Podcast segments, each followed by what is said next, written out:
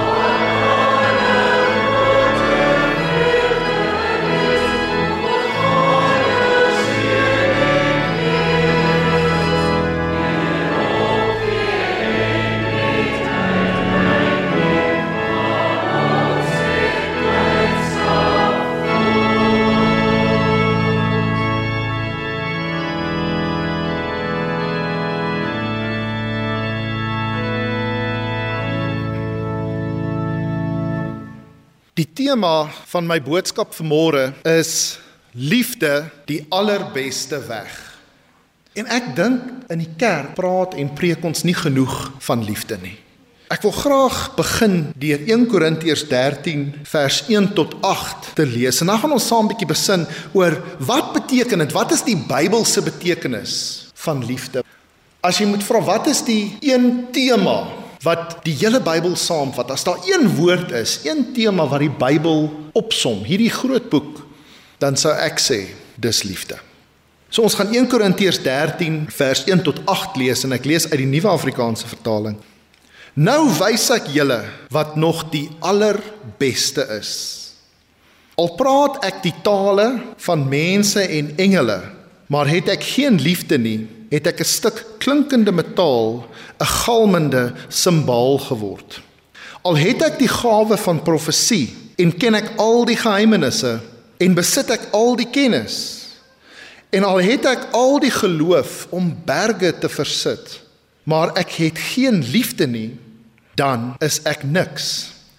Al deel ek al wat ek het aan ander uit en al gee ek my liggaam prys en om my daarop te kan beroem, maar ek het geen liefde nie, baat dit my niks.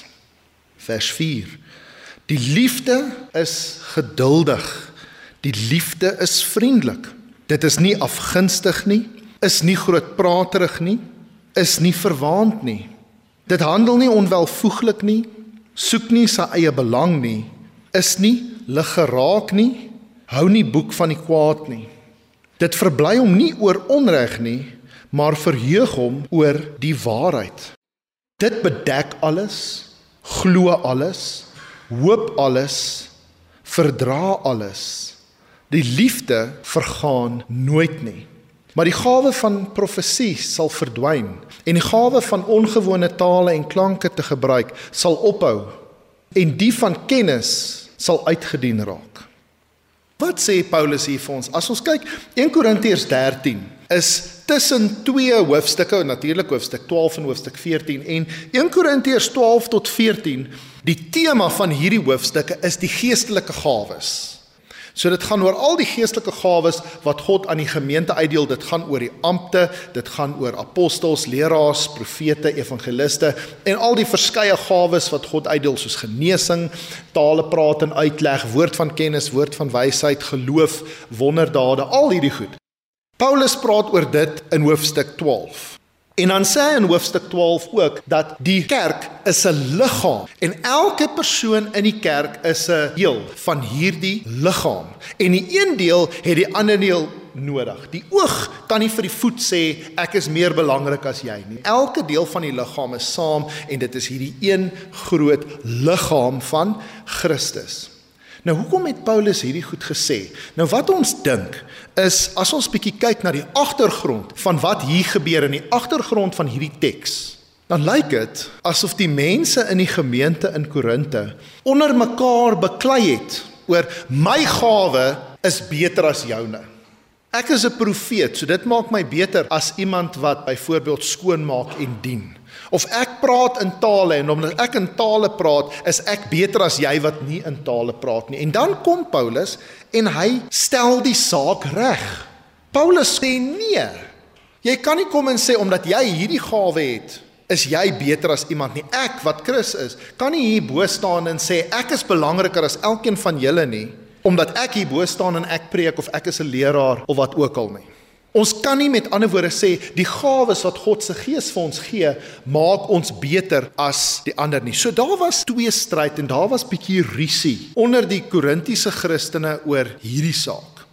En om hierdie kwessie aan te spreek, lees ons 1 Korintiërs 13 en is dit nie mooi dat 1 Korintiërs 13 is mooi tussen hoofstuk 12 wat gaan oor die geestelike gawes en hoofstuk 14 wat nou baie meer gaan oor profesie. En wat sê Paulus vir ons hier? En hy sê die liefde vergaan nooit nie. Die liefde is ewig. Dit is wat hy sê al praat ek die tale van mense en selfs van engele. As ek dit nie doen met liefde nie, maak ek net geraas. Al het jy al die kennis, al kan jy al die geheimenisse uitlei. Met ander woorde, al het jy die beste gawes waarvan hy gepraat het in 1 Korintiërs 12. Al het jy al hierdie goed, Maar as jy nie liefde het nie, beteken al daai goed niks. En dan gaan hy verder. Hy sê nie net oor die gawes nie, hy sê al gaan jy en jy deel alles uit wat jy het en selfs al gee jy jou liggaam oor om doodgemaak te word. As dit nie van 'n plek van liefde kom nie, baat dit jou en baat dit niemand in enige manier nie. So wat Paulus vir ons sê is Liefde is die integrasiepunt van ons hele lewe en ons hele bestaan as Christene en as 'n kerk. As jy nie liefde het nie, dan is jy niks nie. Dink daaraan. Kom ons sê ons gaan dood en jy's by die Here en ons is nou in die hemel, nê. In die hiernamaals, is daar 'n behoefte aan profesie? Nee. Talespraak? Nee.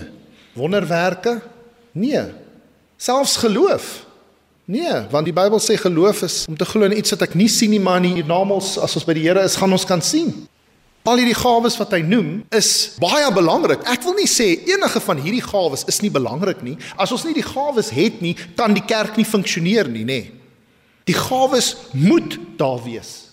Die gawes is nie onbelangrik nie, maar dit gaan verbygaan en dit moet verbygaan.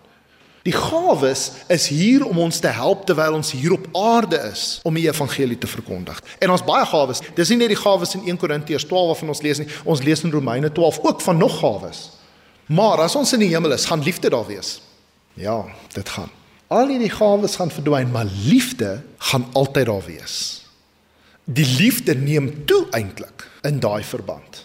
So julle sal saamstem met my dat liefde is die integrasiepunt van ons hele bestaan as kerk, as kinders van God en as mense. Die vraag wat ons dan moet vra is, wat is liefde? Dis interessant dat in die populêre sielkunde en julle dalk nou al hiervan gehoor, praat hulle van die sogenaamde 5 liefdes tale. Dit is 'n boek wat 'n man met die naam van Gary Chapman geskryf het. Een van die vrae wat Chapman vra is: Hoekom werk verhoudings nie altyd nie? Hoekom het ons so baie verhoudings wat op liefde gegrond moet wees, maar hierdie verhoudings misluk? Hoekom gebeur dit? En een van die redes wat hy voorgee is wanneer ons in verhoudings met verskillende mense staan, praat ons nie almal dieselfde liefdestale nie. Ons druk met ander woorde ons liefde nie op dieselfde wyse uit nie. En dan sê hy daar's 5 liefdestale. 5 maniere hoe mense reageer op liefde en natuurlik liefde uitdruk. Die eerste een is opbouende woorde. So jy stalk iemand wat hou van woorde. Iemand moet vir jou sê hulle is lief vir jou. Jy is een van daai mense. Die geskenk is nie belangrik nie. Jy wil die kaartjie lees. Jy wil hoor iemand is lief vir jou. Jy het daai woorde nodig. Dit is die eerste liefdestaal, opbouende woorde. Die tweede liefdestaal is fisiese aanraking. Jy wil 'n druk voel, jy wil 'n soen voel, jy wil naby iemand fisies wees. Jy wil iemand vashou. Dit is hoe jy liefde beleef. Vir ander mense is die liefdestaal die derde een, kwaliteit tyd. Jy wil tyd met iemand spandeer. En dis daai groot probleem van ons veral in huwelike is jy lewe naderhand verby mekaar want jy spandeer nie tyd saam nie. Jy kan dalk in dieselfde huis wees, maar jy praat nie met mekaar nie, jy sit nie saam nie. Jy kyk nie 'n fliek saam nie, jy luister nie 'n bietjie musiek saam nie, jy leef verby mekaar. So vir baie mense is kwaliteit tyd baie belangrik en enigiemand wat kinders het sal weet, as jy getroud is en jy het kinders, jy kan baie maklik verby mekaar begin leef. Of jy dalk 'n baie besige werk Die vierde liefdestaal is diensbaarheid om dinge vir mense te doen want dit is hoe ons liefde wys vir mekaar. Dit is die liefdestaal van diensbaarheid. So baie mense beleef liefde deur dinge wat vir hulle gedoen word en om dinge vir ander mense te doen. En dan die laaste liefdestaal, die vyfde een is een wat ek dink almal van hou, is geskenke. Jy is nou die persoon wat nie soveel worry oor die kaartjie nie. Jy wil sien wat is die geskenk. En jy ervaar liefde met geskenke as mense vir jou iets gee. Dit is hoe jy liefde ervaar en jy koop geskenke of jy voel, "Jo, as ek nie vir iemand 'n geskenk gekoop het nie en hulle dalk vir my 'n geskenk gekoop vir Kersfees, dan is dit vir jou 'n verskriklike ding." Want baie mense beleef ook liefde so deur geskenke. Nou hierdie is die liefdestale. Dit is hoe ons liefde uitdruk en hulle is almal geldig, maar as ons na die liefdestale kyk, dan kom ons agter ons weet nog nie presies wat die liefde is nie. Dit is die grootste vraag wat ons as 'n mensdom vir die eeue vra. Wat is die liefde? Is dit 'n emosie wat ek het? Is dit 'n manier van voel? Vir baie mense is liefde emosie, dis daai skoenlappers in jou maag. Wanneer jou hartslag bietjie opgaan en jy begin vinniger asem te haal as jy daardie persoon sien, dis hierdie emosionele reaksie wat jy het, bietjie endorfine wat dalk in jou brein losgelaat word. Selfs na hoeveel jare se getroude lewe, jou asem moet nog steeds bietjie kort raak as jy jou huweliksmaat sien. Ongeag van hoe lank jy al saam is, jy moet nog steeds opgewonde raak as daai persoon by die huis kom. Vir baie mense is dit dan 'n emosie. Is liefde 'n manier van voel? Is dit 'n manier van dink? Is dit hoe ek oor iets dink? Met ander woorde, is liefde in my kop? Is dit 'n denkraamwerk? In Engels sal hulle sê, is die liefde 'n mindset? Is dit 'n manier van dink? En dis 'n baie baie interessante punt. Sielkundiges sal vir jou sê jy is aanvanklik verlief op iemand. En daai fase van verliefdheid is ongeveer so 'n jaar of 2. Jy is verlief op iemand en dit is 'n wonderlike tyd. Die emosies is goed en jy's opgewonde om hierdie persoon te sien. Maar dan sal hulle sê na so 2 jaar begin daar entropie, nê, nee, afkoeling. Dit koel bietjie af die liefde. En dit is dan die punt waar jy begin 'n ander modus van lief hê moet aanneem. En dit is wanneer jy moet leer om iemand lief te hê. So liefde is aan die een kant 'n emosie, iets wat ek voel, maar dit is ook 'n manier van dink. Want ek dink almal wat al vir lank getroud is, sal weet as jy lank getroud is, jy moet leer om iemand lief te hê. En wanneer die Bybel sê mans julle moet julle vrouens lief hê, vrouens julle moet julle mans lief hê, dan dink ons ja, maar natuurlik. Maar eintlik is die aanname in daardie gebod jy moet jouself toespits om te leer om jou huweliksmaat lief te hê of nie. Jy moet eintlik die kenner, die ekspert wees in die kennis van die liefde van jou huweliksmaat. En as jy jouself nie die hele tyd toespits om te leer om daardie persoon lief te hê nie, dan is dit ook hierdie ding wat mense dikwels ook sê, ek ken jou nie meer nie. Jy is nie die persoon met wie ek getroud is nie. Maar dis omdat jy dalk nie die tyd gemaak het om daardie persoon te leer lief hê nie, want ons almal bly nie dieselfde vir jare en jare nie. So vir baie mense is dit 'n manier van dink. En dan vir ander mense soos ek nou nog gesê het, is dit om iets te gee of om iets te doen vir hulle. Dit is hoe hulle liefde ervaar. Al hierdie goed dra gewig. Die liefdestale, liefde as 'n emosie, liefde as 'n manier van dink, liefde as diensbaarheid, geskenke. Dit dra gewig. Maar ons het nog steeds nie by die kern uitgekom van wat liefde is nie. Ek wil 'n stelling maak deur te sê die liefde is nie 'n iets nie. Die liefde is 'n iemand. Kan ek dit weer sê? Die liefde is nie 'n iets nie. Dit is 'n iemand. As ons teruggaan na 1 Korintiërs 13 toe En net vir 'n oomblik dink aan, dan jy sien die teks het byvoorbeeld gesê die liefde is geduldig. Die liefde is geduldig. Dit is vriendelik. Dit handel nie onwelvoeglik nie. Dit is nie afgunstig nie. Dis nie grootpraterig nie. Dit hou nie boek van die kwaad nie. Dit is alles persoonlike eienskappe. En wanneer ons 'n teks lees soos in Galasiërs oor die vrug van die Gees, dan die eerste wat genoem word is liefde. En dan noem hy die ander elemente: geduld, vriendelikheid, vreugde, selfbeheersing, al daai goed. Maar jy kan weer eens nie een van daardie ander elemente van die vrug van die Gees hê as jy nie liefde het nie. Kan jy geduldig wees sonder liefde? Kan nie, nê? Watter ding gee jou vreugde, beter vreugde as enigiets in die wêreld om lief te hê? Is die kern van goedheid dan nie die liefde nie? O, oh, selfbeheersing. Hm, selfbeheersing, waar pas liefde daarin? Dit is 'n preek op sy eie. So, liefde is met ander woorde iets persoonlik. As die liefde nie in die vorm van 'n iemand kom nie. As die liefde nie 'n iemand is nie, dan gaan liefde vir jou altyd 'n filosofiese idee wees of 'n skoenlapper wat fladder hier eers in jou maag. Maar jy gaan nooit werklik weet wat liefde is as dit nog nie gekom het as 'n iemand nie. Ek is redelik laat in my lewe getroud, in my middel 30s. Vandag is dit nie eintlik meer laat nie. Vandag is dit maar die tyd wat meeste mense trou. In daai tyd voor ek getroud is, het ek mense getrou.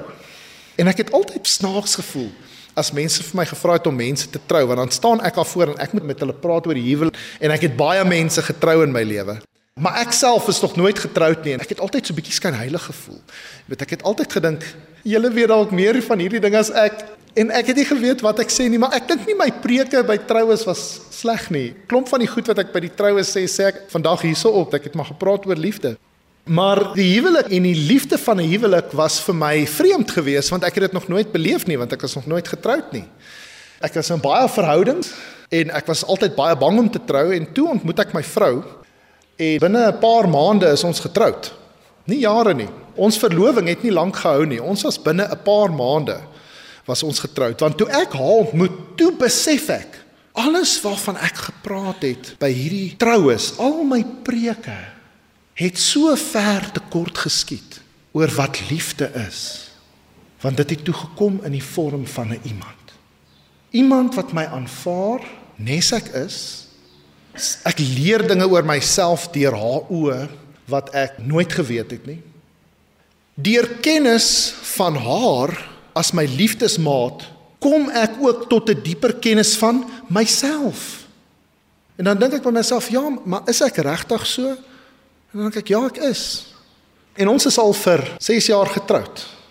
En dit voel vir my nog steeds net so spesiaal soos daai eerste tyd. Maar hoekom? Want die liefde het vlees geword vir my as te ware. Dit het vlees geword, dit het 'n iemand geword. Dit was nie meer net 'n idee nie. Die liefde was nie meer net 'n preek of 'n woord of 'n emosie nie. Dit was nou iets wat ek eerstehands kon beleef en eintlik wat ek daardeur agtergekom het is die liefde is ook eintlik onuitspreeklik, onuitdruklik. Was jy ooit so lief vir iemand dat jy kon nie die woorde kry nie? Jy moet 'n kaartjie dalk skryf, jy wil 'n liefdesbriefie skryf, maar jy kry nie die woorde nie, want elke woord wat jy skryf, voel jy dit skiet te kort. Hoe weet jy jou huwelik is op 'n goeie plek? As ek nou vir jou moet vra, sê vir my hoe voel jy oor jou huweliksmaat? En jy sê, weet jy, my hart is so vol, ek kan nie die woorde kry nie. Jy sê iets, maar dan dink jy, nee, maar wag, dit voel net baie sterker as dit. Dit is wat gebeur wanneer liefde iemand is. Nou as dit kan gebeur binne 'n huwelik waar jy twee mense het, twee feilbare mense, mense wat nie perfek is nie, mense wat foute maak, mense wat nie luister na mekaar nie, mense wat op hulle selfone soms is, mense wat ander dinge ook het, wat werk het, wat kinders het, wat jou nie 100% aandag gee nie. Hoeveel te meer sal ons nie tot die ware betekenis van liefde kom as ons besef die ware liefde is eintlik 'n iemand Maar daai iemand skryf ons met 'n hoofletter. Ware liefde is ook God.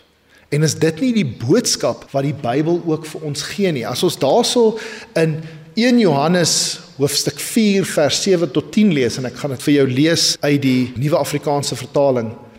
Dan sê hy: Geliefdes, ons moet mekaar lief hê. So kan jy sien, daar is die bevel dat ons mekaar moet lief hê en daai mekaar lief hê manifesteer in verskeie verhoudings. Dit kan natuurlik in 'n huweliksverhouding, want in 'n huweliksverhouding is ons lief vir mekaar. Ons moet mekaar lief hê binne die huwelik. Ons moet mekaar lief hê as vriende. Binne vriendskappe is daar liefde. 'n Vriendskap wat nie gegrond is op liefde nie, is eintlik iets baie siek, want dan gaan dit oor wat kan ek uit jou uitkry? Maar as dit gaan oor liefde, dan is dit nie meer so selfsugtig nie. Dan is daardie ander persoon nie meer net 'n middel tot 'n doel nie, maar die doel self. Ons moet ons kinders lief hê. Dis 'n ander manier om lief te hê. Ons moet ons naaste lief hê. Dan sê hy, want liefde kom van God. Dit is 'n ongelooflike belangrike beginsel. Liefde kom van God. Wat beteken dit as hy sê die liefde kom van God? Alles van die liefde, dit wat ons weet, dit wat dit is, die effek wat die liefde het, het 'n goddelike oorsprong. Dit beteken dat wanneer ons liefhet, druk ons God se karakter uit. Is dit nie ongelooflik nie? Wanneer ons ons naaste liefhet, wanneer ons liefde toon, is ons soos God. En hy sê en elkeen wat liefhet is 'n kind van God en ken God, want as jy God ken, dan ken jy liefde. Wie nie liefhet nie in vers 8, het geen kennis van God nie, want God is liefde. Is dit nie ongelooflik nie? God is liefde. Die ware betekenis van liefde is God. Hierin is God se liefde vers 9 vir ons geopenbaar. Sy enigste seun het hy na die wêreld toe gestuur sodat ons deur hom die lewe kan hê. Werklike liefde is dit. Ware liefde is dit. True love is this. Nie die liefde wat ons vir God het nie, maar die liefde wat hy aan ons bewys het deur sy seun te stuur as verzoening vir ons sondes. Wat was die grootste daad van liefde wat God gedoen het. Hy het homself gegee. Jy kan elke een van die liefdestale wat jy by God kry. As jy nou daai lyne wil trek, as jy Jesus se lewe net in die Bybel lees, dan sal jy al die liefdestale daar kry en nog meer tale wat ons nie eens hier uitgedruk het nie. Opbouende woorde. Hoeveel opbouende woorde is daar nie? Is die Bybel nie God se opbouende woord, God se liefdesbrief, God se love letter vir ons nie? Het jy nie al in jou lewe gevoel ek is niks, ek kan niks bereik nie, ek is 'n mislukking, ek is 'n slegte mens? Partykeer is ons die mense wat onsself die meeste afbreek. En dan kom God en hy sê nee, jy het waarde. Ek het jou lief, jy's my kind. In tye wat ons osself afbreek, kom God en hy sê nee, jy's myne, ek het jou lief. Moenie kyk na alles wat jy verkeerd doen nie, kyk na wat jy is en wat jy reg doen. Jy's in my beeld geskape. Daar het ons opbouende woorde. Stem julle saam? As ons verder kyk, fisiese aanraking. Dit is nou 'n vreemde een, jy dink, hoe werk dit nou? As ons die Bybel lees, dan sien ons Jesus het dikwels aan mense geraak om hulle te genees. Dit is my altyd die mooiste storie as Jesus aan die melaatse persoon raak en hy genees hom. Jy weet jy kon nie aan 'n melaatse persoon geraak het in die antieke tyd nie want jy sou onrein geraak het volgens die Joodse wet, as jy aan iemand raak wat melaats het, word jy onrein en dan moet jy jouself gaan reinig en dis 'n hele proses. Maar in Matteus 8 as Jesus van die berg afkom na die bergrede, dan's daar 'n melaatse persoon wat hy teekom en dan sê Matteus, hy het sy hand uitgereik en hom aangeraak. As jy dit in 'n fliek moes sien, dan sal dit sommer so slow motion gebeur, net jy sien Jesus se hand. Ek dink die melaatse moes seker geskrik het toe Jesus hom aanraak, want mense sal nie aan hom raak nie. Nou nog, wanneer die Here jou genees, wonderbaarlik of deur die mediese wetenskap, het God dan nie aan jou liggaam aangeraak nie? Wanneer jy asemhaal, wanneer jy leef, wanneer jy die krag het om God te loof en te prys, is dit nie God wat aan jou fisies raak en wat jou die fisiese vermoë gee om dit te doen nie? Kwaliteit tyd, eina. Die Here wil kwaliteit tyd met jou spandeer. Dit is net jammer ons wil nie altyd kwaliteit tyd met die Here spandeer nie. Diensbaarheid Wat het Jesus met sy disippels gedoen? Hy het by hulle voete gaan sit en hy het hulle voete gewas. Is dit nie ongelooflik dat God doen sulke goed nie? Ons wat eintlik sy slawe moet wees, ons wat sy diensknegte moet wees, God dien ons ook. En dan die laaste een geskenke. Miskien is geskenke God se liefdestaal, maar miskien is dit die een liefdestaal wat God domineer. Miskien is geskenke God se primêre liefdestaal. Nie geskenke nie, maar 'n geskenk. Wat het God gegee? Wat was die grootste geskenk wat hy gegee het? Homself. Deur sy seun het God homself gegee.